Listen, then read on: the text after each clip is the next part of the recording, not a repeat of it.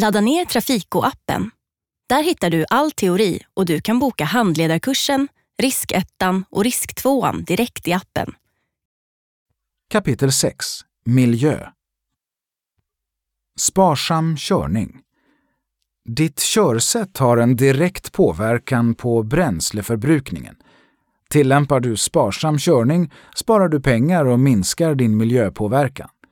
Undersökningar har även visat att de som kör sparsamt är med i färre olyckor tack vare bättre framförhållning och ett jämnare körsätt. Hur du kör sparsamt. Planera din körning. Kör med god framförhållning så att du slipper göra onödiga stopp och kraftiga accelerationer. Försök att hela tiden hålla så jämn fart som möjligt. Kör på hög växel. Växla upp tidigt och kör därefter på så hög växel som möjligt. På många nya bensindrivna bilar är det lämpligt att köra på femmans växel redan vid 50-60 km i timmen. När du accelererar är det viktigt att växla upp innan motorn når 2500 varv per minut. Vid höga varvtal finns det risk att katalysatorn inte klarar av att rena avgaserna. Motorbromsa. Planerar du din körning kan du ofta förutse när du behöver bromsa och då kan du motorbromsa istället för att använda färdbromsen. Motorbromsa så ofta som möjligt. Hur du motorbromsar 1. Släpp gasen helt. 2. När motorns varvtal gått ner till ungefär 1300 varv per minut, växla ned. 3. Upprepa denna nedväxling. Kör inte på tomgång. När motorn kör på tomgång leder det till onödiga utsläpp. Om motorn dessutom är kall fungerar inte katalysatorn och utsläppen är betydligt mer miljöfarliga. Ska du till exempel skrapa rutorna på vintern, gör det innan du startar motorn. I de flesta kommuner är det olagligt att köra på tomgång i mer än en minut om inte trafiksituationen kräver det.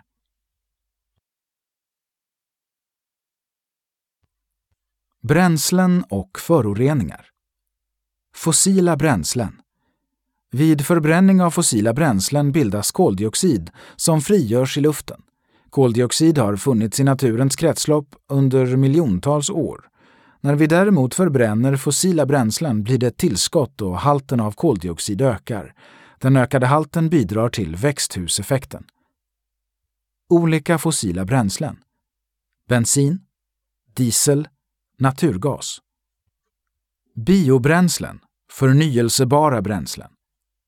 Biobränslen till skillnad från fossila bränslen har fördelen att de inte bidrar till växthuseffekten eftersom de tillverkats av växter. Den mängd koldioxid som släpps ut vid förbränning är samma mängd som växten förbrukat innan skörd. Olika biobränslen Etanol Biogas Biodiesel ett annat förnyelsebart drivmedel som är ett alternativ till biobränslen är elektricitet. Många bilar idag drivs helt eller delvis av elektricitet. Om bilen helt drivs av el kallas den för elbil och de bilar som drivs av två eller fler drivmedel kallas för hybridbilar. Kolmonoxid Kolmonoxid försämrar blodets syreupptagningsförmåga vilket leder till trötthet och koncentrationssvårigheter. Gasen är lukt och färgfri och i större doser är den livshotande. Koldioxid Koldioxid bildas vid förbränning av fossila eller organiska bränslen. Koldioxidutsläppet är direkt beroende av bränsleförbrukningen. En bil som drar mer bränsle släpper därför ut mer koldioxid. Koldioxid påverkar växthuseffekten. Resultatet av växthuseffekten är att den globala medeltemperaturen höjs, vilket kan få stora konsekvenser för både djur och människor. En temperaturförändring med några grader kan sätta hela systemet ur spel.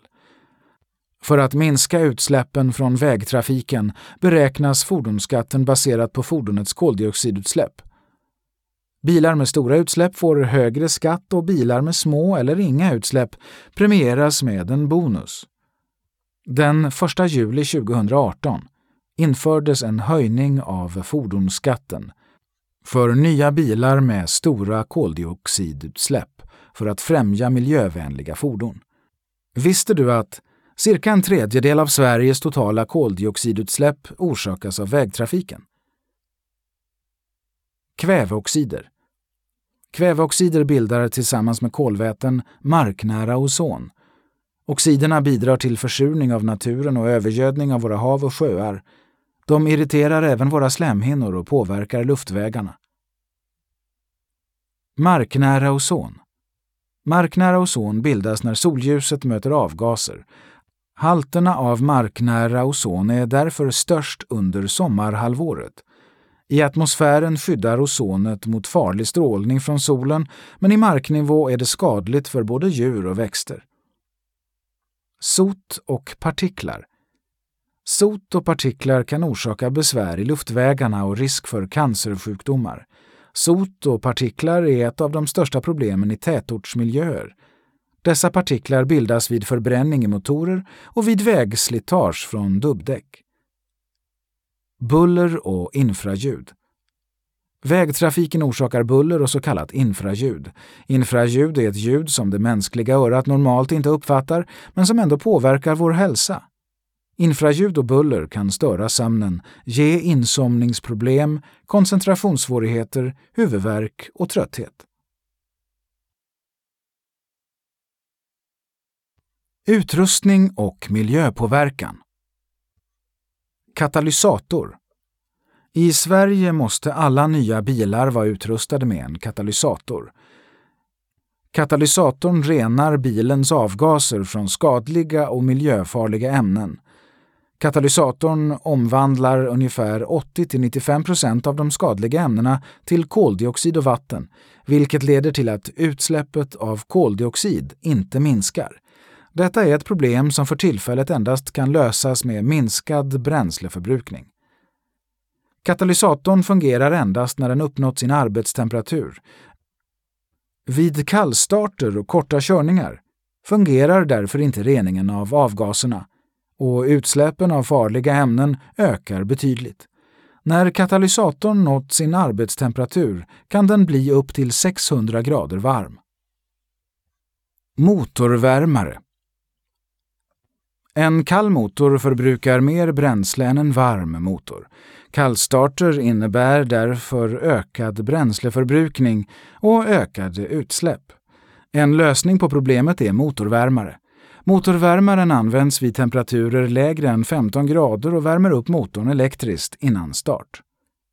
Motorvärmaren ska inte vara inkopplad för länge före start eftersom den då förbrukar onödig elektricitet. Använd tabellen nedan för att veta hur lång tid innan starten ska vara inkopplad. Använd en timer. Tid för motorvärmare. Minus 15 grader Celsius. 90 minuter. 0 grader Celsius 60 minuter 10 grader Celsius 30 minuter Däck HA-oljor Däcken innehåller miljöfarliga ämnen som släpps ut i naturen när de slits.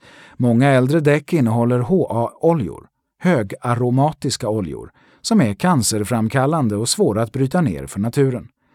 För att minska vår miljöpåverkan ska man välja däck som inte innehåller giftiga oljor. Svanenmärkta däck är ett bra alternativ.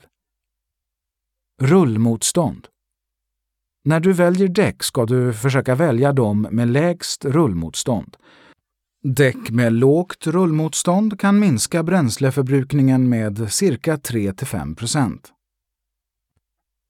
Lufttryck för att minska bränsleförbrukningen är det viktigt att kontrollera trycket i däcken med jämna mellanrum.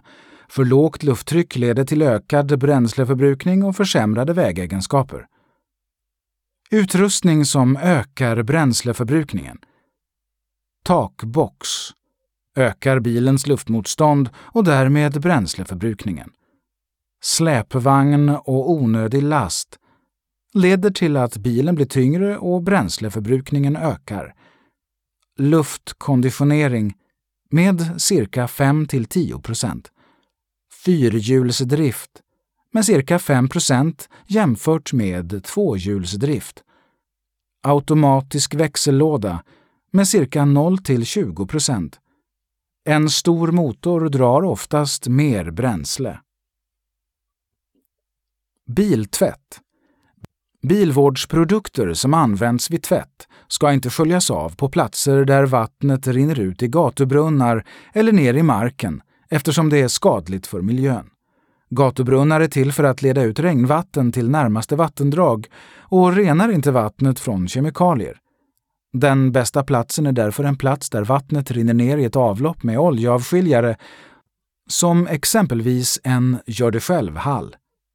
Ur miljösynpunkt är det även bra att vaxa bilen. Om bilen är vaxad fastnar inte smuts lika lätt på bilen och du behöver därför inte tvätta den lika ofta.